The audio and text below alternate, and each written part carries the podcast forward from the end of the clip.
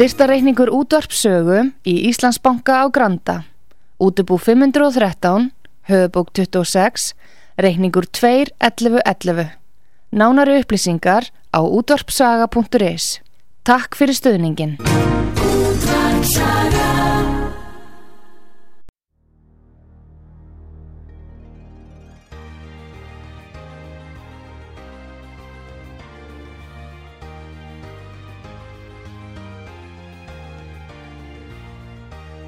Heimsmálinn í umsjón Pétur Gunnlaugssonar. Fréttir og fréttatengt efni af Erlendum Vettvangi.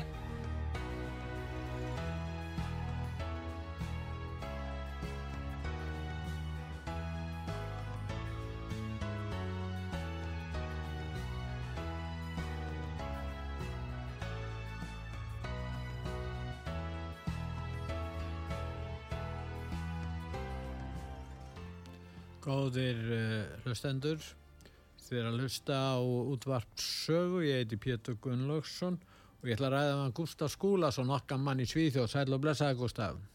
Já, komdu sæl og blessaði Pétur og útvarf saga. Já, uh, það, já, já, við ætlum nú að byrja kannski að tala um fjölmiðla sem eru nú að að svona breyða yfir ímislegt varðan til lofslagsmálin en það var í sambandi við myndina Sound of Freedom. Ég er nú ekki búin að sjá þá mynd en þá Nei, en hafið nokkur rætta hafið talað um einhvern sem hefur séð hana? Já, var... það var nú eins sem ringdi í okkur núna í símatíma sem hafið séð hana bara strax og hérna um daginn og hún er eftir að tala um það að eftir sko myndina þá er bara fólk setið í stólanum Já, bara, já, það haft mikið lágrið Já, það voru nefnilega að vera fréttir frá bandarækjanum sko um sko á mörgum stöðum þá hefði verið vunnið skemdaverk á síningunni allt innu þá var ekki hægt að slökka ljósinn fyrir í miðri síningu og svo fór ekki hitakerfið eða kælikerfið ganga, það voru alls konar svona sögur. Þannig að sko... Veistu hvernig auðlýsingin er hjá þessu? Þeir segja að myndin vegni vel en er óhætt að, seg óhætt að segja hún sé mjög umdild Akkur, ekki sagt. Svo er sagt, hún er sögð, sögð byggð á raunverulegum atbyrðum. Já, hún byggir á raunverulegum. Nei, sko, sjá, akkur, og, og það er heila greinar um þetta, óvæntur smellur byggir á umdeldum grunni. Þetta, svona er talað um þessi mál. Þannig Já. ef að menn er ekki í þessum, þessum pólutíska réttrúnaði, það er að segja, sósjalíska, hérna frjálslinda vinstri stefnunni nú þá Já. er það bara mjög umdelt það er ekki að það eru vís jáfnveg þótt að mennina affjúpa einhverja ömulugust og viðbjóðslegustu glæpi sem hægt var að hugsa sér. Já, Hollywood elitan er bara svo hrigalegt Þetta er ekki Hollywood elitan, þetta er bara elitan á Íslandi sem er að tala um bíómyndir. Hvað segir þetta vitnaði hvað segir um já, þetta vitni íslenska já, já, ég trúi þér ekki maður. Hvað hva, hva hefur hvað hva, hva hefur, hefur þetta fólk sem standur og aðstandur það fylgir sko það eru sko ákveðnir hópar sérstaklega frá bandaríkjana sem tengast kvikmundu, sem tengast Hollywood sem tengast auðlýsingabransanum auðlýsinga sko, starfseminn í bandaríkjunum hún er einn, áræðvar sem mest þáttur í, í mótul samfélagsins í bandaríkjunum og þetta fólk er með ákveðna pólitískar skoðanir og þetta fólk hefur mjög mikil áhrif á sérstaklega á auðlýsingar á Íslandi og umfjöllun um þessa hluti. Og þetta er svona fólk sem að lærir þetta, þetta er þeirra háskólan á að hlusta á þetta frá, frá kanan. Já, maður geti, maður geti haldið með þessa lýsingar að þetta fólk verður alls svona barnlust og þetta er engin börn. Ég menna, nei, ég men, veit ekki, nei, nei, nei, nei, nei ég segi er bara þessi réttrúnaður er svo stór, þetta er bara eins og trúabröð, þetta er bara köll, þetta er eins og köll. Þetta er eins og köll, skilur við. Sko. Nei, nei, mér langar bara aðeins að heyra því það er ekki byrjað að sína myndina hérna í Svíðsjóð sko. Þannig að ég get, kemst ekki til með að sjá hann alveg strax sko. En það er byrjað að sína hann út um allan heim og, já, og, og frum sína Európ sko. En heyrðu, já, já fjölmiðlar dilja sannleikan um lofslæðið. Við erum, með, við erum með spennandi þátt í dag, við erum með margar hljópúta og við byrjum á lofslæðinu vegna þess að ég sá að það, það, þetta eru umdeild mál og margir eru voðalega uh, taka það nærri sér ef að það koma fram vísindamenn eða bara jáfnveg vennulegt fólk sem að lýsa þeirri skoðun að þetta sé bara svindl allt saman. Já. Við vorum með grein hérna, við vorum með smá hljóput með hérna ástralska professionum Ian Plimer sem er nú jarðfræðingur menn og hann er að koma með nýja gaggríni núna, það er smá bóstæðilega trætir í sundur loftlags hreyfinguna og, og hann, hann gera það með aldrei einföldum og góðum rökum. Ég myndi ráðlega að við byrjum bara að spila hennar búið út og svo getur við rætt þessi rök. Já. The first question you've got to ask is, can you please show me that human emissions of carbon dioxide drive global warming? That's never been shown. The second thing is, what on earth is net zero? If we had net zero, in other words, we didn't release carbon dioxide, then you wouldn't eat. Because when you eat, you convert carbon compounds which go into your body, and the rest you get rid of. We breathe in 0.04% carbon dioxide, we breathe out 4%. So if we had net zero, you'd have to drop dead. This is what the green movement really is. It's an anti human movement. It's a movement that's arguing very strongly that there is no place for humans on planet Earth. Yeah. Já, Nei, hann er að segja það sko, hvað er þessi null losun? Maður að ekki að sleppa út neinum kóltvísýring mm. og sko við, fólk, við erum lífræna verur, við borðum mat og við öndum á okkur, það er 0,04% kóltvísýringur í andrúsloftinu, því öndum við á okkur, mm. en svo vinnur líka með okkar með matin og við skilum frá okkur út í andrúsloftu 4% kóltvísýringi Þannig að núllósun, hún getur ekki falið e, mannkynnið. Sko mannkynni á ekki að vera á jörðinni því að, því að við mengun svo mikið með því að anda þessu frá okkur. Já. Það, það, það, það er svona, svona einfalda, einfaldasta sem hann var, að, hann var að segja í sambandi við þetta. Já. og svo líka það að vísindin hafa aldrei sínt fram á það. Það var aldrei á þessum loft uh, heimsenda spámanum þeir hafa aldrei sínt fram á það að sko að kólefnis að kóltvísýringur drífi lofslæð þeim hefur aldrei, hefur aldrei komið neitt í sambandi við það frá neina á þessu fólki. Þetta er bara föttirinn sem er gjörsamlega bara, bara byggð ekki á neinu vísindin heldur bara út í högt Það er nú fleiri sem segja ganga lengra og segja að þetta sé bara svindl, þetta sé stærsta svindlsögunar og... Uh, Já, það var hérna hann hérna... Hann er verkfræðingur sá sem heldur því fram, heitir ekki Stúk Astram? Ná, Stúri Óström heitir hann. Já, Stúri Óström. Og hann hérna, hann var í Vitali á Söp TV hérna í, í Svíþjóði fyrir viku mm. og uh, hann kom inn og svona sterk, sterk hann rekur heimasíðu sem heitir klimatsans.com eða lofslagsvítundin og hún er listuð af hattus umræðu njósnur um Európa-sambassins sem eh, ein af 29 síðum í heiminu sem að sagt er að sérhæfi sig í fáls áróður um lofslægi. Mm. En þetta er bara, þar eru nokkri vísindamenn og, og fólk sem eru vil venda rétt vísindana, ganga á stjórnmálunum, samankomin og fylgjast með umræðinu og skapa umræðu. Og hann var tekin í viðtal hjá Sveptefi og hann lýsir þessari móðu gengdalösi yfirgengilegu móðusíki sem fer um allan heim með, með loslæð, hann líki ber það saman við múksefjun í Þískanland á tímum Hitlers.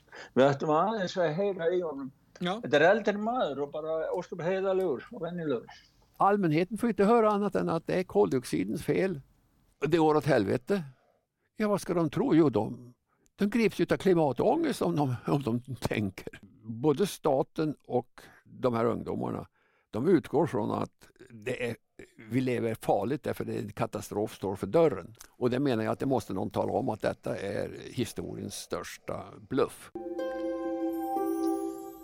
Og hann, hann, var, hann segir það bara að, að sagt, e, það er svo mikill áraður í gangi um það að, að, að kóltísýringurinn sé bara við sem að jörðin sé að farast, það sé hætta fyrir dýrum og hvað á almenn, þetta er í öllum fjölmjölum og dýnur á okkur á hverjum einasta degi út af einn og hvað á almenningur að telja þá þegar hann fær bara hér svona einhliða áróður um, um þessi mál. Jú, hann fyllist lofslags kvíða og, og e, það verður einhver, segir hann, það verður einhver að segja það upphátt, það er engin lofslagskrepa í gangi. Já, en, en sko það er líka verið að reyna að gefa í skinn og, og það degir svo margir úr, úr hérna úr, úr hérna úr, úr Já, bara stikni í hel. Já, en maður að tala um það það býð okkar núna Antonio Guterres aðna hann er framkvæmdastjóri eða aðalrítari aðalrítari saminuð hann er að tala um þetta og, og hérna, annars er aðtækilsvert maður heyri það hjá Íslandi að það verður að tala um hver margir hafi dáð um engun á Íslandi. Nú, já, já, um, já um, út af umferðin í Reykjavík Ég heyrði tala um, um sett upp svip sko 60 manns á ári. Sko þetta fólk býr bara til alls konar sögur. Þetta er svona ég, ég meina Hósi Anni sem var finn í þessu sko og, og ég meina og hafði þá sko djúpa merkingu því sem hann er að segja. En þannig kemur fólk bara sem býr til nánast hvað sem þeim dettur huga að segja a, a, og, og, og þeir endur taka það nógu oft og svo er þeirra kvartunda því að anstæðingar þessu farnir að gera þetta líka.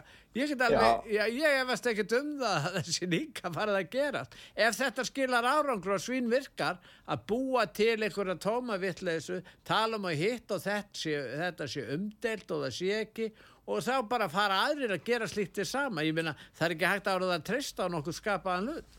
Já, var þetta ekki reglan hjá Goebbels að ef þú endur tekur lína nógu ofta og fyrir fólk að trú henni Sko þetta er, er, er, er grein á heimasíðu sögu um eh, rannsóknir sem hafa verið gerðar í Breitlandi og voru byrtar í vísindartímanöldinu eða landsett núna í vor. Og eh, ástæðan fyrir því að þessi grein er komin inn á heimasíðu útvarp sögu með sagt, eh, sjálfum nýðustunum rannsóknirina sem hægt er að lesa á pdf á ennsku er svo að TT, tíningarnas telegram sem er, aðal fréttaveita henni hérna í Svítsjó og búin að vera til í yfir hundra ár að hún var að rópa upp, upp, upp, upphátt og senda til allra fréttamila að 61.000 manns hefur látist og miklum hýta í Evrópa árið 2022 og tali væri að sumarið núna 2000, nei að tali að sumarið 2003 þá hafi verið það vest og þá hafi 70.000 mann stáið úr hitaslægi.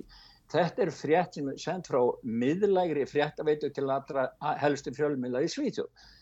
En þetta er sko ekkert neitt líkt því sem kemur fram í þessari bresku rannsók sem að tók saman 854 borgir, þar að segja þeppið í Evrópu með yfir 50.000 íbúa og það tekið fram að Reykjavík var ekki með, þetta eru 27 lönd Európusambansins, Norrúsis og Bretland og e, þar, á, það tekið fyrir þeir 20 ára tímabil frá 1. janúar 2000 til 12. desember 2019 þetta er mjög flókið og það er svolítið erfitt, mér finnst það út af saga að við, það ættum að fá einhvern íslenskan fræðimann eða vísindamenn sem myndi kynna sér þessa skýslu og útskýra þetta betur. Því ég, ég finna að ég á svolítið erfileikum með, með að skilja, skilja þetta allt. Þetta er mjög mikil tölfræði, þeir rannsaka aldurshópa og þeir koma með sko, upplýsingar sem segja meðaltali árilega 20.000 má reyka til, til uh, hitta og 203.000 kulda eða 10 sinna meira. Já eins og ég skil þetta. Já, en ég myndi segja við þurfum að fá einhvern vísindamann sem að myndi lesa þetta og tólka þetta betur fyrir, fyrir hlustandi. Já en sko allar þessar upplýsingar uh, sem við erum að heyra eða óáræðanlegar uh, hvernig sé það er þær eru svona til þess fallnar að skapa samfélag þess að menn verða háðir ríkisvaldun og, og, og missi bara að hér sé fjöldin egnalaus, varnalaus, getur ekki varið sig og treysti á ríkisvaldi svona, já það verið svona einlega svona hálf kynverska stefnu hérna inn á Vesturlöndum.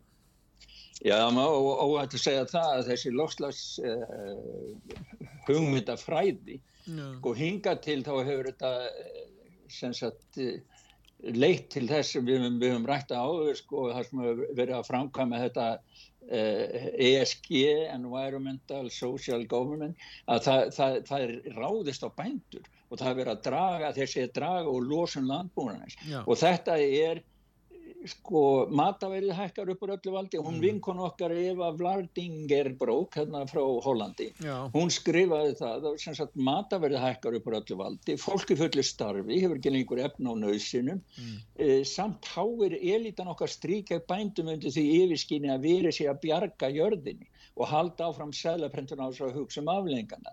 Það sýnir okkur að framfæslu kostnaðakreppan er vísvitandi hannu kreppa og svo náttúrulega hefur við rætt að mörgur sem World Economic Forum maður á ekki eiga neitt, það er stemt að því að gera allt vennulegt fólk af örugum, öryggum og hvað gerum við ef við eigum ekki neitt?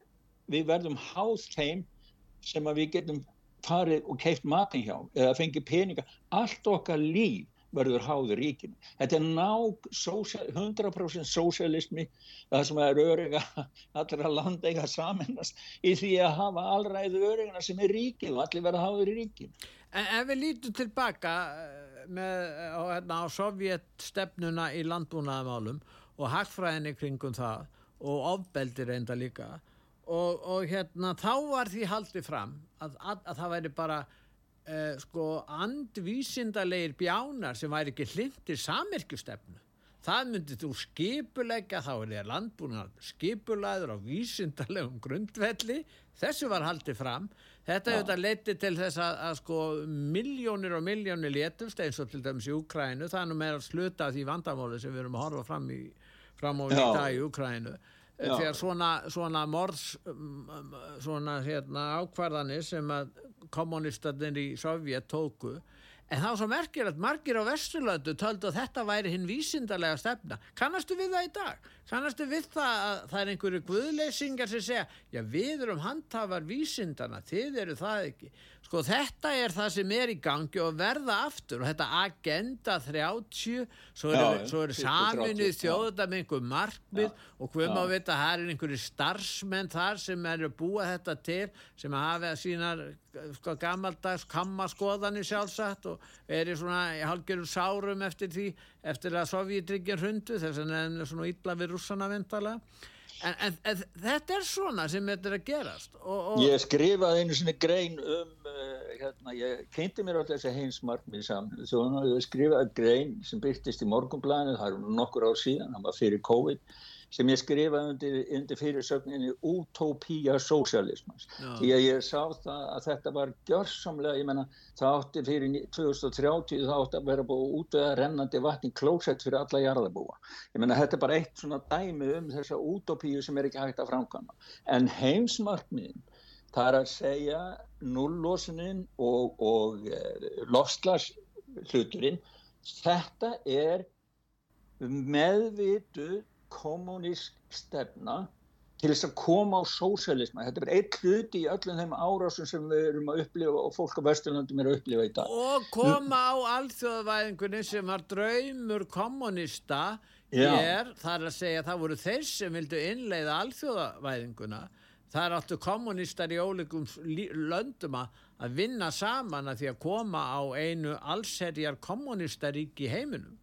Akkurat, það er, sko þetta er bara undir, þetta, þetta er gamli, gamla kenningin, þetta er gamla hugmyndafræðin í nýjum grænum búningi. Og það eru tvær leiðir notaður, annars verður það mengunarmálinn til að stöla að, að, hérna, að, að alþjóðavæðingunni og mm. hitt eru helbriðismálinn, það er eins og COVID-málinn. Þetta eru þær aðferðir sem þið nota því að ja. þá segja ég, við getum ekki unni gegn farsóttun nema allur heimunni standi saman og við getum ekki unni gegn mengun nema allur heimunni standi saman. Ergo við verðum að innleiða eina heimstjórn og allserjar og færa í hendur og framselja ríkisvald þjóðríkisins til yfirþjóðleira stopnana því það er eina leiðin til þess að vinna og berjast gegn þessum vanda sem er alheimsvandi en ekki þjóðlegu vandi það er þetta sem er notast sko og svo fremjar valdaráni í skóli þess að þeir geta hafa vald til þess að lýsa yfir neyðar ástönd og þá er öll, öll, allt liðræði öll fullveldi sett til hlýðar fyrir þessa alheimstjótt vegna þess að þeir að í nafni neyðar ástunnar og neyðar rétt að þá þarf að gera svona og gera hitt og þetta. Núna var Evrópusambandi að samþykja lög sem eru hrein komunst lög og svíjar fara mjög illa út því. Þeir eru í nafni lofslagsins og náttúrunar allar að endur heimta eh, náttúruna og gera upptæk lönd svo uh, landbúnaðalönd, ræktunalönd og skóarækt Svíþjóð fyrir sérstaklega illa úr þessu og illa út úr þessu og þeir skrifuðu það hérna í, uh, í sambandi hjá, hjá hérna, sænsku bændarsamtökunum að um 30% af Eh, skóræktuðlandi og landbúðalandi verði gert eignar upp, verði gert upptækjarni í Svíþjóð. Þetta mun þrengja allri í hérna, matvælaframleyslu þetta er fyrir semst að 2030 þá endur hefða 30% af landinu. Og þetta er sko, það er bara mikil sko bændur sjá nýðuskur og, og skóræktabændur hérna líka mikið niður, það eru er þrjár það þarf að taka úr notkun 3,5 miljónir hektara samkvæmt þessum eh, nýju lögum Európa-sambansins hérna í síðan. En með þessari stefnu þá tekst elitinu meðal annars að reyna að neppa okkur hinn í þrældóm smám saman. Eins og hún segir um Kristína Andersson hann að er spjöþingmaðurinn. Hefur að hlusta á hana? Já, hlustum á hana. Hljóðbútur hérna. They are much smarter now. The goal ultimately is to transform our free and democratic societies into totalitarian societies. So I'm really imploring the people and all the peoples around the world, for God's sake, stop giving your democratically elected governments the benefit of the doubt. You cannot comply your way out of a tyranny. It is impossible. Trying to do so, you will only feed a gigantic alligator in the hopes of being eaten last. End your silence. Speak up. Já, hún er auðvitað bett á það að líðræðir að þróast út í allræði. Komir auðvitað því. Já, og hún er að hvetja, hún hvetur fólk, hún er þingmaður, Európa-sambandsþingmaður og hún hvetur fólk ekki bara, bara í Európa heldur út um allan heim til þess að ekki fljóta svovanda feyðar á sig. Er fara að vakna og segja frá og aðtúa málinn sjálf. Já, og, en það er nú kannski ekki allt slæma frettir, mér skilst að, að hérna að Soros sé að draga sér í hlið, hérna George Soros, hann sé að gefast upp á þessu þessu hérna rausi. Já, George Soros er náttúrulega svo gaman sko. hann, hann er 93 já, já.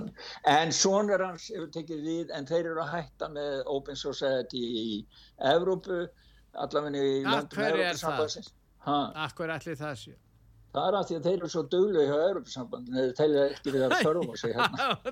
Þeir eru að spara minnur þeir þurfi ekki að leika Já, þeir segja það sem meiri þörf fyrir sig annars það þróun er ekki komið Það er yfir til bandaríkja að stoppa Trump allir það ekki? Já, þeir eru á kafið því sko. borga mótmælendum Já, en síðan er það líka hérna, að, slæmar frétti með jafnvel þótt að takist eins og í Svíþjóð, það var hérna 50 hver svígi sem hver Svíþjóðdemokrata og þeir komist að í ákveðna valdastöðu. Þá hefur það lítil áhrif á fólksflutninga til Svíþjóðar. Nú ennþá verra ástand á Ítalíu. Það náði meirhluti svo kallaðra íhjáls og hægri flokka meirhlutanum og uh, hérna Salvini sem er yfir hérna Lombardtreyfingunni hann ásamt Meloni fósittisráð þeirra ætluðu að breyta þessari stefni í innfléttundumálum það kom held ég á þessum tíma ætlaði ekki verið 40-50 þúsund í fyrra eða áður en þeir komu. Núna er, er, er, á þessu ári eru yfir 100 þúsund ólöglegir hælisleitundur að þvælast um á Ítalíu núna? Og, og, og, og verra á enna í fyrra? Og það er þannig að þessi kostningalofvörð þeir hafðu þátt að segja að þeir gæti ekki gert neitt í þessu en, en það vilist ekkert gerast. Og þeir eru með meirulutan og þeir eru með, lofu, þeir, þeir, og þeir eru með meirulutan í efradeildinni líka, þeir eru ekki bara með meirulutan í á, þeir voru kjörnir. Hún var kjörin á þeim grundvöldlega að hún ætlaði að minga takmarka eða bara hætta við innflýtjandi til Ítali en hún snýrist alveg við. Ég veit ekki hvað hva hún hefur fengið henni verið borga fyrir það. En ástandi er svo svakalegt því að það koma fleiri og fleiri í miðarhafið, þeir eru döglegið marsmiklar þeir vinna, þeir svo ekki neitt. Nei. og það er verið að ræðum það að það metið 180.000 mann frá 2016 gæti jafnvel verið sleið á Ítalið á. Þannig að það er ekkert láta á þessum flótamönnum uh, hælisleitendum til Evrópu. Það er ekkert láta. Nei, og flestir fari gegnum Ítalið. Grekkinnir, það er nú einhver íhaldstjórn þar, henni hefur tekist þessari ríkistjórn við erfaðar aðstæðir að draga úr þessum fjölda til Greklands en spánverjarnir þeir segja að flestir vilja ekkert vera á spáni, fara bara norður já, en, já, en, en sko en það er langt flesti sem fari gegnum Ítali og þannig að, að það er spurningin hvað hún geti gert sko ef, ef þetta heldur svona áfram þá er engi framtíð sem að býður þessar stjórnmálarhefingar sem hún er í forsvari fyrir, það er alveg ljóst. Já, það er alveg ljós, sko.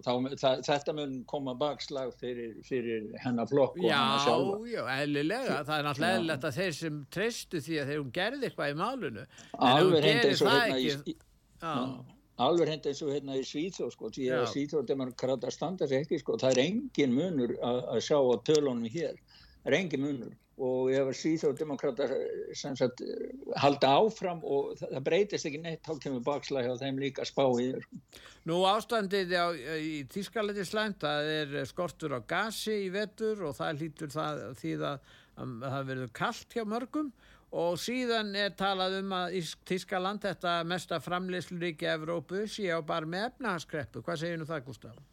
Já, það er sem varandi gasi sko, þá var ríkistjóri uh, nei, bitur, það var hérna í sambandi við gasið þá var Sebastian Blesje eh, fórstjóri Ínes það er gaskeimslu fyrirtæki í Þískaland eitt stærsta fyrirtæki, að, aðal gaskeimslu fyrirtæki, hann sæði það við Blomberg að það væri sko ef það er ekki breytt innviðarnir í gaskeimslu og, og í Þískalandi þá myndi fylgja gas, hætt á gasskorti alveg fram á veturinn 2026-2027 og það ekkit, hefur ekkert komið í ljós að það sé verið að vinna í þeim málum. Þannig að, að þess vegna er fólk að tala um það að veri gasskortur og þá án og eftir að heyra sknýstan að tanna síðan er það bara að, að hagvörsturinn hann, hún er spá bara 0,1% við vorum nú að ræða hafustinn hérna síðast og þú sagði í Svíþjóð sko 0,9% að það myndi nú ekki taka einu svona dekka alla flótamennina sem kæm og 0,1% í Þýsklandi gera ekki heldur. En ég held sko að bara mótorinn er stopp. Þetta, þetta það er allstæðir allstæðir verið að hægja öllu í Já. öllu aldrei Evrópu. Það er rétt. Og það eru bara ótrúlegustu ríki það sem ástand í menns að Sáti Arabíja er samdráttur hjá þeim. Já, já, ég hef ekki trúa því því að normennindir er að græða á þessari olíukreppu en, en, en það virðist vera þannig. En, en samt segja menn og eins og segir Þískaland á barmi efnahagskreppu og það byrstist með margvíslegum hætti út um allan heim. Til dæmis þetta stóra eh, hérna eh, fasteignafélag kynverjana Evergrande sem á mikla regnir í bandaríkjónum líklega. Að þeirra báðu um, um báðu uh, lögðu fram beðnum gjaldtrott í Manhattan í New York og, og þeir gera það vegna þess að þeir eru að komast í skjól þeir eru að reyna að endurskipuleggja fyrirtæki eða það ekki? Jú, þeir, það, mér, eftir því sem ég skilst þá, þá ef þeir fara fyrir bandaríska domstól þá geta varðið einhverja aðra reikning Já, það er bandarísku fasta hérna uh, gjaldrútalögjöfin gefur mönnum svona fyrirtækjum möguleika á greiðslustöðun Já, þannig að sko, þetta er bara eitt af þeim dæmum sem við eigum ábyggilega eftir að sjá og, og svo var annar frétt sem að var að koma sem að var um, það var náttúrulega gerð kvikmyndum, hann fjárfæstinn Mikael Burry hann, hann spáði fyrir húsnæðiskreppunni eða þegar fjármálarhrunin árið 2008 hann hefur sett núna veðjað, þetta er bara veðmál, það er ekki neitt annað, e, e, þannig að hann getur fengið tilbaka 1,6 miljardir dollara ef að Wall Street munir hrinja. Ég veit ekki hvað þetta tekur langan tíma, Nei. en hann eitti 90% af eignum sínum, sjóðs eignum sínum í þetta veðmál. Þannig að eitthvað, hann hefur ekki alltaf haft rétt fyrir sér, en, en, en ef hann fær rétt fyrir sér þá er bara hrun, fjármálarhrun framöndan á, á Wall Street. Já, en, en fjár, það virðist ekkert ganga neitt illa á Wall Street í augnablikinu. Ég meina þó þessi búið að hækka vexti, þá ætti það að hafa meiri áhrif, samdráttar áhrif, en, en það virðist bara ganga svona í að þokka lega. Já, það, það gengur ábyggilega betur þar heldur en henni í Svíþjóð því að fjármála, hérna er uh, fjárfestar að flýja Svíþjóð. Já, far, að, þeir fara yfir á Wall Street meina, Já, þeir gera það. Allir kaup ekki bref hjá honum Jó, jú, það er það. Það er það sem Evrópa hefur verið að gera. Hún hefur verið að senda fjármunni náttúrulega til Asíu, við vitum það. Það er nú luti af uppganglunum þar. En, en til bandaríkjan líka þess vegna er, eru Evrópa alltaf að verður undir í þessum átökum á milli Kína og bandaríkjan Allur uppgangur, allur, allur áhagnaður af Nasdaq eh, eða hlutvarum markanunni í Stokkólm er, er horfið núna Já. og það er svo mikil verðbólka hérna, 9-10% verðbólka hérna og, og, og sannska krónun hún sekkur bara eins og steit sko, þannig að Já. fólk er bara að flýja svið sko. Að Svo er að menna að tala um þessi BRICS eh, hérna ríki en, en það er nú ekki eins mikil samstað eins og kann að vera en, en þegar við erum einhverja fundi og það er nú lengi verið að tala um það að þeir myndu svona koma sér saman um nýjan gjaldmiðil en eh, til dæmis indverjarnir, þeir eru mjög tvístígandi í þessu samstarfi með kýmverjónum. Þeir, þeir eru með núna, sko, þeir eru með fund núna, við eigum eftir að segja meiri frétti frá Já. þeim vegna þeir eru með fund núna í Afríku held ég, Jónesborg núna byrja á morgun og verða... En vandin er þetta að Söður Afrika stendur mjög illa. Brasilia stendur illa líka og rússatnir, þessi þrýstanda illa, indverjónum gengur bara nokkuð vel en þeir á nú aldrei verið sko miklir vinir kynverjana til lengri tíma. Þannig að, að þetta virðist nú ekki vera neitt, uh, þetta er alltaf uppistæðin í þessu samstærfi er kynverska hérna, kynverska efnaðsveldi, það eru þetta kundvallar atrið í þessu öllu saman. Sko. Þeir eru miðurlægir, þeir þeir eru með áallanir yfir allan heiminn ég menna að við ræðum já, já. World Economic Forum já. við ræðum, við ræðum þessar allþjóða stofnari, Kímar er fyrir löngu búin að leggja þetta undir sem meirið að minna bæði, sko hún hérna eiginkona Xi Jinping, hún er sendið hérna hjá allþjóða heilbyrjastofnum hún har verið mörg mörg á og hún fær borga alveg rosalega mikið sko og hverju mánuði fyrir það. En við mögum ekki að gleyma því að þessi framleiðslu vel kynverða, þar er að vinni framleiðslu 770 miljón manns, killuru Já, þannig að við skulum bara gera og þetta er gott vinnuafl þetta, þetta er döglegt fólk og, og sparneitið og annað þannig að, að þetta er náttúrulega bara vél sem, að, sem að heldur áfram, en það gengur hins vegar ekki nógu vel hjá þeim núna, þeir eru með mjög lítinn hagvöxt og, og alls konar vandamál, skuldir og annað sem þeir eru að kljástu Já, eins og eh, fastegnabransin er að fastegnabransin, ef að hann er að rinja því hann er svo stór þáttur í og hluti Já. af kynverska haggerfin en við skulum hlýða á auðvisingar núna Gustaf en þið er að hlusta á útvar sögur ég heiti Pétur Gunnlaugsson og ég er að ræða van Gustaf Skúlason í Svíþjóð. En við ætlum að hlýða á auðvisingar og höldum svo umræðinu áfram eftir auðvisingarna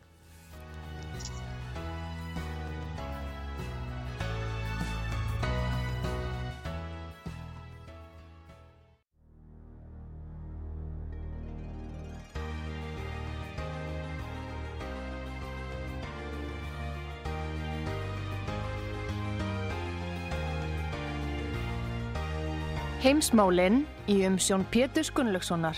Fréttir og fréttatengt efni af Erlendum Vettvangi.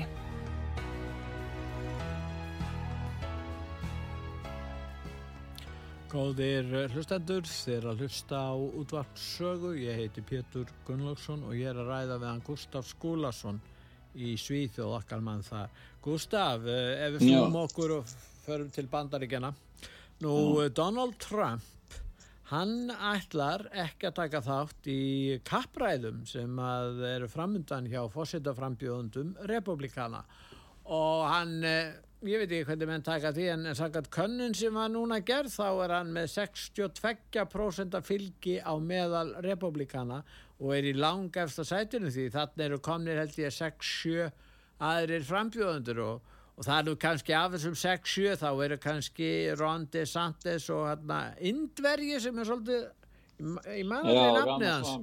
já, þeir svona eru hæfir hinnir veriðast nú ekki sko líklegir sko. Þeir eru allir með einstaf já, sko. já, eða bara líka eins og Pence. Ég meina Pence á enga möguleika mörgum ástæðum. og síðan er náttúrulega þessi hérna þessi hérna hvað heitur það er nú einn kona þarna.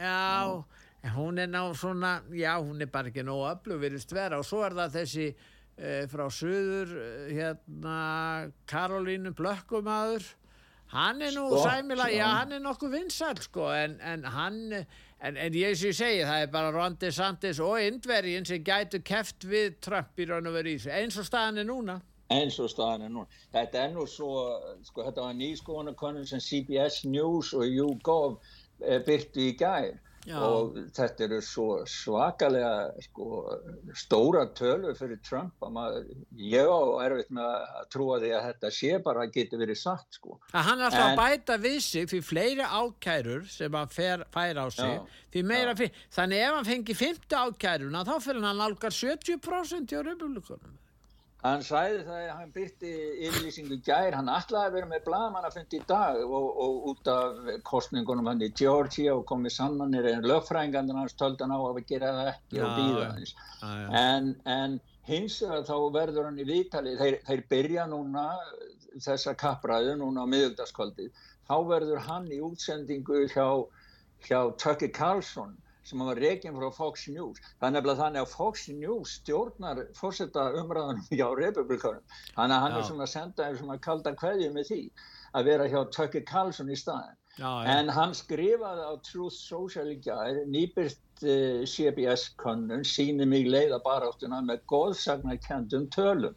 Trump 62% 46% fyrir ofan í Santimonius eins og hann kallar hann já. sem hrapar eins og sjúku fuggl Ramaswamy 7%, Pence 5%, Scott 3%, Haley 2%, Sloppy eða Slappa Chris Christie 2%, Æda Hutchinson 1%. Já, það, þeir, þeir er enga möguleika þessi, það veit ekki hverjir sem henn eru eins og niður. Og svo skrifur hann, fólki þekkir mig Já. og farsaland fórseta fyrir minn Já. með orgu sjálfstæði, sterkur landamarum og hér, stærstu skatta og reglugjaraðskerðinga, nokkru, nokkru sinni, Já. engri verðbólgu, sterkasta hagkerfi, og margt fleira. Ég mun því ekki taka þátt í kapraðan.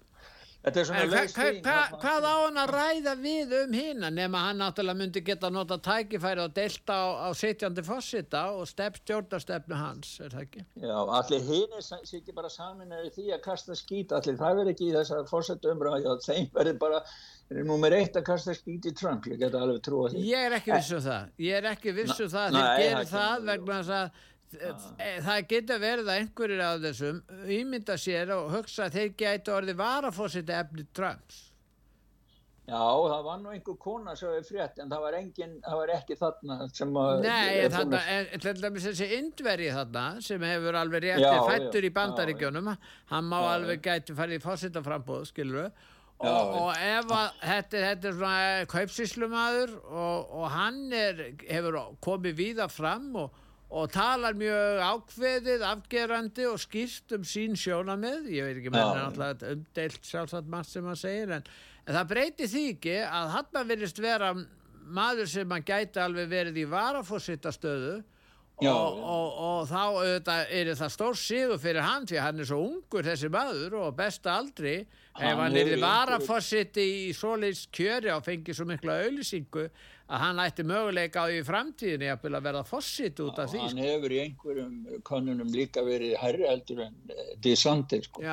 en svo er annað hérna það er sko ástandi í bandaríkjunum er bara á barmi borgar að styrja það líku við sko. E eða undanfari, það var hérna republikani hendi New Gingrich sagfræðingur og fyrirverandi fósetti fulltrú og deilda bandaríkja hann fekk meiri hluta 1994 og þá var Bill Clinton að semja við hann þinginu Já, nefnilega það og þá, þá hann segir það í viðtali núna nýju viðtali að við, að við séum við bandaríkja menn þá segir hann Já. erum á leiðin í mestu stjórnanskrá kreppi síðan 1850 Já. og rísand öldu aðskilar og borgar að styrjaldum sem mun skapa brítuleika sem ég held að verði viðvarandi í eina kynslu eða meira. Nei þetta er sko, hann, hann segir það að sko demokrata séu orðin svo spiltir að Joe Biden til dæmis hafa lært að Hillary að einstaklingar í hásettum og ofinböru störfum geta fengið miljónur ofan á miljónur dollara. Og síðan hafa þeir lært að, að það, það, demokratari er ekkit sakveldur og svo eru demokratarnir þeir, sko það er svo mikið djúf spilling í, í FBI, CIA og Dónsmálaráðunætinu sem demokratar hafa reyðrað um sig með. Og þess vegna komast þeir upp með það að vika dónsmálakerfinu, réttahvarskerfinu bóstæðilega út á istu nöf. Eins og við höfum séð í mörgum dæmin Já. og þannig að þetta, hann segir það ég held að þetta veri skelvilegt tímabili við verðum bara átt okkur á því að fólki sem vil stjórna bandaríkunum og rásta okkur hinnum við brjóta hvaðlög sem, sem til eru ljúa um hvað sem er á ráskast með kerfi og allan hann hátt sem mögulegt er að meðtöldum mörgum elitu fréttamilum. Hann tala um stjórnarkreppuna 1850, 11 árum síðar braust út borgarastyrjöld í bandaríkjunum ah. og áður en það gerðist þá hafði hæstirtu bandaríkjana komist að þeirri niðurstöðu að þrælahald væri löglegt uh, þannig að meiri hlutir gerði það í hæstarétti þannig að það var ímisett búið að ganga á Já, já. þannig að, að, að já það en það er sko ég var með hérna að skal ég segja hann, hann hérna Robert F. Kennedy hann, hann,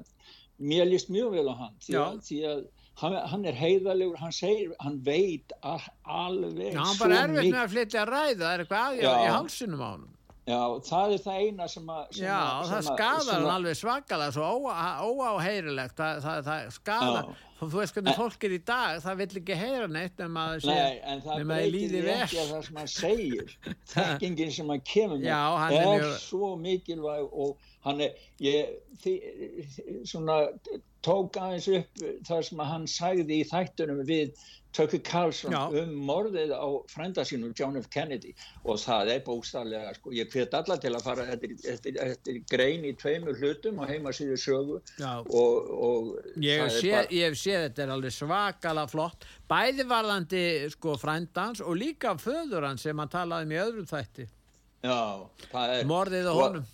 Já, hann, hann segir sjálfur sko, hann segir það að mafjan hafi verið inblöndið og mafjan CIA var í samstarfi við mafíuna því að mafíuna sá um legumorðingar sem átt að, að taka Fidel Castro á lífi. Já, síja lí... skipuleggur þetta en fram, mafían framkvæmir þetta fyrir síja og þeir hafa eitthvað unni saman. Já, og hann talaði við einn legumorðinga hjá mafíunni sem var,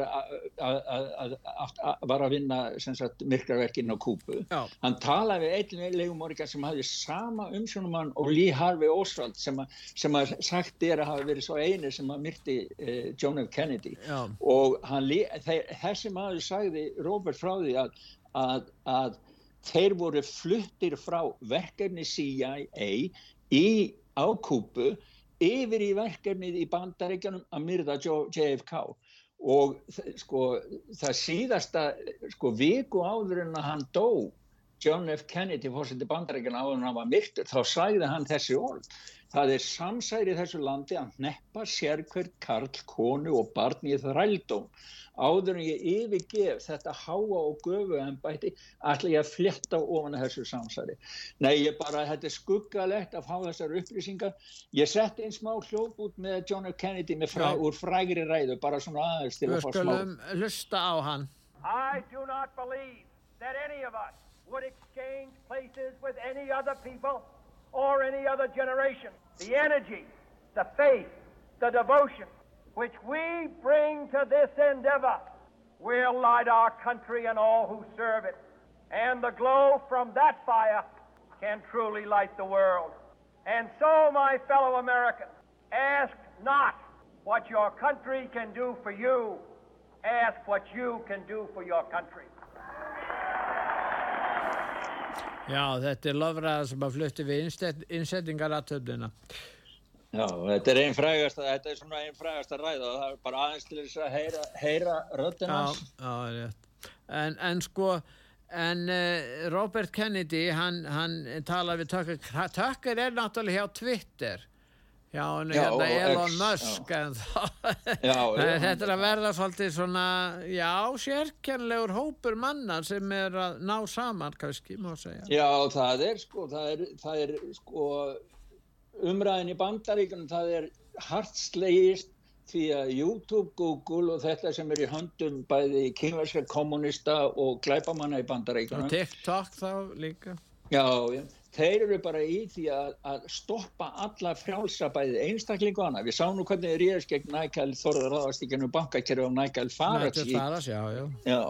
Hérna í bandaríkunum þá er einn eh, frægur fjölmjölamæður og réttöfundur Glenn Beck sem er með eigið prógram og annað já. sem hann var með á YouTube. YouTube nei, og, og er, er með hérna iPod á Apple. Já eh, þeir, þeir kom, hann var bara allt reynsa, allt það er kannski rétt að segja frá því að Glenn Beck var á sínu tíma á Fox. Og hann Já. flutti ákveðna svona hafði þætti sem að vöktu miklu að triga og svona sögulegu þráður í þeim. Mm. og uh, hann var látin hætta þar.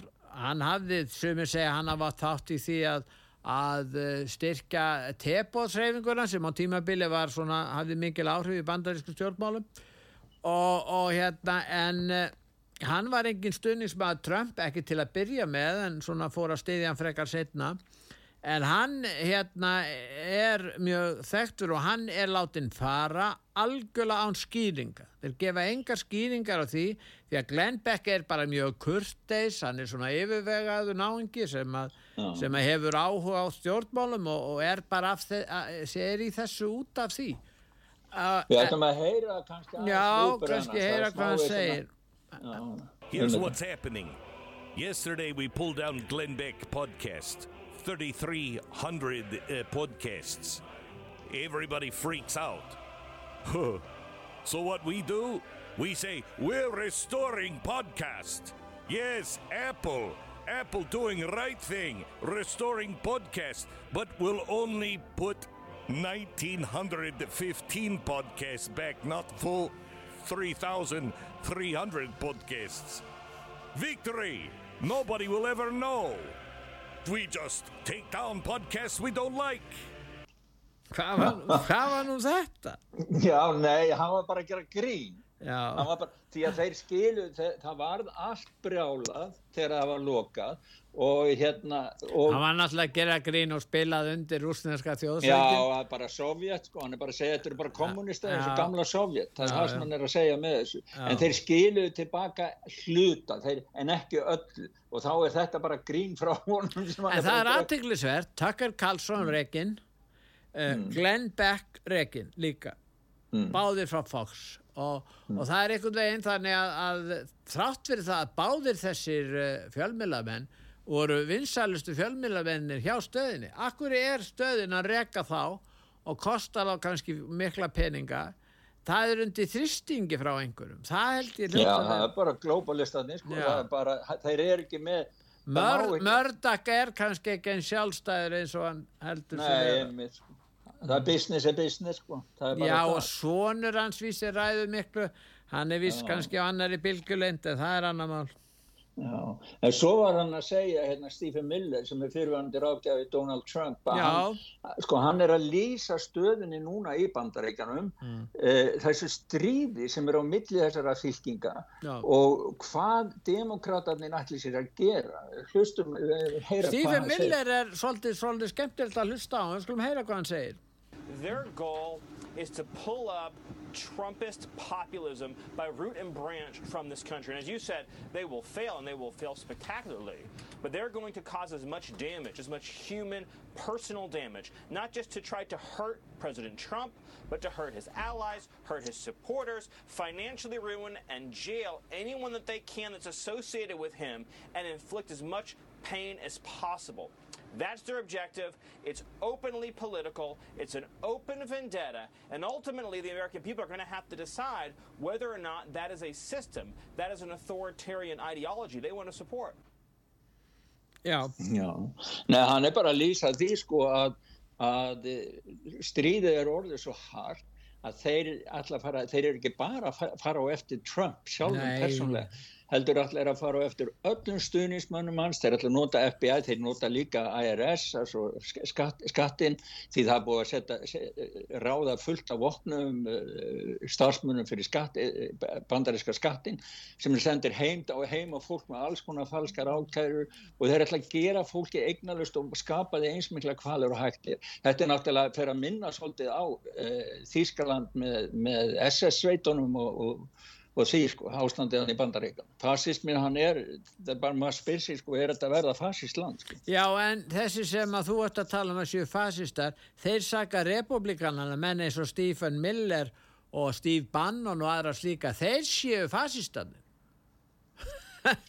Já, skeiting ganga Já, þannig er þetta. sko, Já, þannig að mér finnst þetta að verða ofnóskun ég man við vorum að tala um Meloni á þann hún átti að hafa verið einhver fasisti svo bara kom í ljós og var svona ósköp eh, þæg og góð samfélkingarstelpa þegar það reyndi sko. það er hægt að gera það þá með, koma með gaggrinni kannski er hann illa við það vildi taka þátt í hópnum og veri ekki sökuð um að vera einhvers konar fasisti þannig að hún fór að að lúta, lúta stefnu anstæðingan og fá kannski frið og friðmælast við á með þeim hætti. Kann það vera Já, þetta er bara sko valdhafarnir stjórna, stjórna þessu, valdhafarnir. Og það eru ekki republikana sem eru valdhafar í bandaríkjum og hérna sko það er til dæmis Google og YouTube, YouTube voru að koma út með það núna að þeir ætla að ná fullkominu stjórn og lækningsfræðum upplýsing og þá Já. bara ætla að banna allt, alla gaggrinni á alþjóðheilbyrjastofnuna, punktur þá bara bannað með, með YouTube. Þannig að sko interneti kynverjar, kynverski kommunistaflokkurinn hefur lístið yfir Xi Jinping, þeir ætla að ná tökum á interneti í heiminu og þeir eru á góðri leið með það. Þessu stóru fyrirtæki, þeir eru öll komin í rasvarsan á kynverska kommunistaflokkum Apple er í Kína, Google gekk yfir til Kína, Facebook er í góð viðskipt í Kína. Öll þessi internet fyrirtæki sem við erum að sjá um dag er að loka niður og halda uppi fasisma, kakvart málfrelsi. Það er í höndum kynverska kommunistaflokksins. Þetta er skelvilegt. En ein kona í Alberta sem var, er e, forsættisráðar í Alberta, eina af 13 fylgjum Kanada, hún er sko ekki sammálað þessu og við skulum hlusta hvað hún segir. Heitur hún ekki Daniel Smith, er ekki hún? Já, Daniela Smith. Og ég skora á alla sem eru í stjórnmálum á Íslandi að hlusta og taka vel eftir orðum hennar. Hún er stjórnmálamaður forseti Alberta í Kanada. What are your What are your views on the World Economic Forum? well, well, I'm I'm not um, a young global leader of tomorrow. I've never been to one of their events, and I, I look at Pierre Polyev saying that he doesn't intend to go to their events and doesn't intend to have his ministers involved in them either. Um, and I, I take the same view. But why? You're still not explaining what, what your views are on the World Economic Forum. Like, what do you find distasteful about it? I, I, guess I find it distasteful when billionaires brag about how much control they have over political leaders, as the head of that organization has. And I think that that is offensive. The people who should be directing government are the people who vote for them. And the people who vote for me and for my colleagues are people who live in Alberta and who are affected by our decisions. And so, quite frankly, until that organization stops bragging about how much control they have over political leaders, I have no interest in, in, in being involved with them. My focus is here in Alberta, solving problems for Albertans with the mandate from Albertans. Já, hún leggur auðvitað áherslu á það að þeir sem eru kostnir til starfa eigi að starfa á grundvelli þeirra kostningar en ekki að, að uppefa sig í, í, hérna, í tengs, te, vegna tengsla við hú og, og töfald var FEF, World Economic Forum og allt því að heilbríðsmálstofnun. Já, hún var að segja það að hún væri ekki trifin á World Economic Forum vegna þess að þar væri einstaklingi sem hvorki væri læknar eða náttúrulega mentar í því sem þeir eru er að skipa öðrum að gera. Að, að, að sko þeir væru þeir væru að monta sig af því hvað þeir hafðu góð tök á stjórnmálamönnum heimsins en hún sagði það ég er kosin af fólkinu hérna í Alberta og ég ber ábyrð gagvar þeim, því það eru þeir sem að stjórna í landinu, ekki einhverjir menn eins og sem eru á, á allþjóða helbriðstofnunni eða völdaukunum fórum. Mér finnst bara sko, að bera þetta sama með það sem að maður heyrir umræðinni, já ekki bara á Íslandi, heldur líka henni hérna í Evrópu, það er, alveg, það er mjög, mér finnst þetta að vera ferskur vindur. En í, margir íbúar í Alberta er af íslensku mættum, þú veist það? Jáhá, er það? Nei, ég vissi það nei, Jáhá, er það? Þannig að það getur vel verið þessi Daniela, hún sér hún bara af íslensku mætt, kannski eigu víslendingar von, kannski ekki á Íslandi, kannski að bjarga Alberta. Það hefur ekki bara, hefur ekki bara hafa samband í hann Jú, ég, það þarf að skoða hvernig, hvernig það er, sko. Já, nei, nei, en svo ég sé að tímin er nú að minga, en við bara, við hoppum yfir næstu tvo hljópúta, ég held að við þurfum ekki, ég, ég skrifaði fréttir hérna frá Svíþjóð þá því að, að Selenski byrtist hérna með konuna sína á laugadaginn allt í enn. Það var ofinber heimsók sem var leinileg þanga til hann bara byrtist Já. og það hefur ekki verið annað í fréttánu hérna í Svíþjóð heldur en bara þessi samningur sem þeir gerðu sem er stól merkilegur því að það gerðu samningur í Svíþjóð þar kemur Selenski með eiginkonu sína sem ég hef nú ekki séð áður Hann fer til Hollands og Danmörkur, þar fær hann 42 F-16 flugvílar, mjög fullkomnar. Hann Já. er þarna á ferðinni með konu sinni til þessara landa og þetta er mjög merkilegt sem er að gerast. Ég held að þetta séu bara einhvers konar kaplaskil í, í þessum, þessari, þessum átökum. Hvað segir þú? Já, sko, það, við, við skalum bera þetta saman líka við hvernig ástandi er á vígvellin. Núna, núna eigum við öll að vera að, að klappa fyrir Selenski, hvað hann sé döglegur og hafa og hérna í síð og stjórnmálumenni, sko, þeir stóðu bara í, í, í byðru eftir að fá að neyja sig fyrir framannan. Og, og, og, og Ólennu, heitur hann ekki Ólena konan? Já, Ólena. Hún var nú í heimsókn og það er nú semt að því sem er nú gott skilur hún já, var í heimsókn hérna í, á endurhæfingastöð í já, Solna hérna í Stokkólmi, það sem voru, eru 25 særdir, það er eitthvað Evrópaverkinu sem hefur tekið við nokkuð þúsund særðum hermunum og hjálpað þeim. Og hún var að tala veitni hjólastól.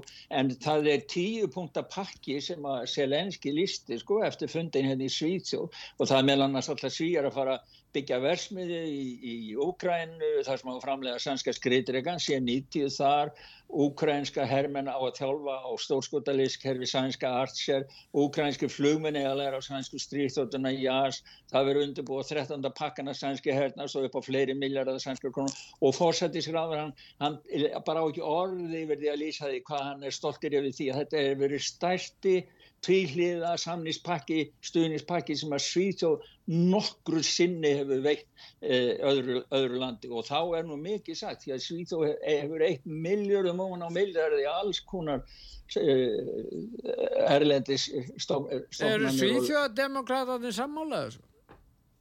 Já, ég, það, þeir sjást ekkit í þessu máli, þetta er bara fórsættisráðherran og ríkistjórnin sko, ráðherran sem að sjást í þessu sko. Nei, Þannig að, og svo eins og þú segir hérna frá, frá Hollandi, þetta er náttúrulega rosalega business sko, Danmörk Heyrðu, hann, hann, hann, Rútti, þarna ennþá starfandi fórsættisráðherra, hann er orðin halv umbóðslaus, hann er að hætta það ekki. Akkur er hann að taka svona ákvarðanir?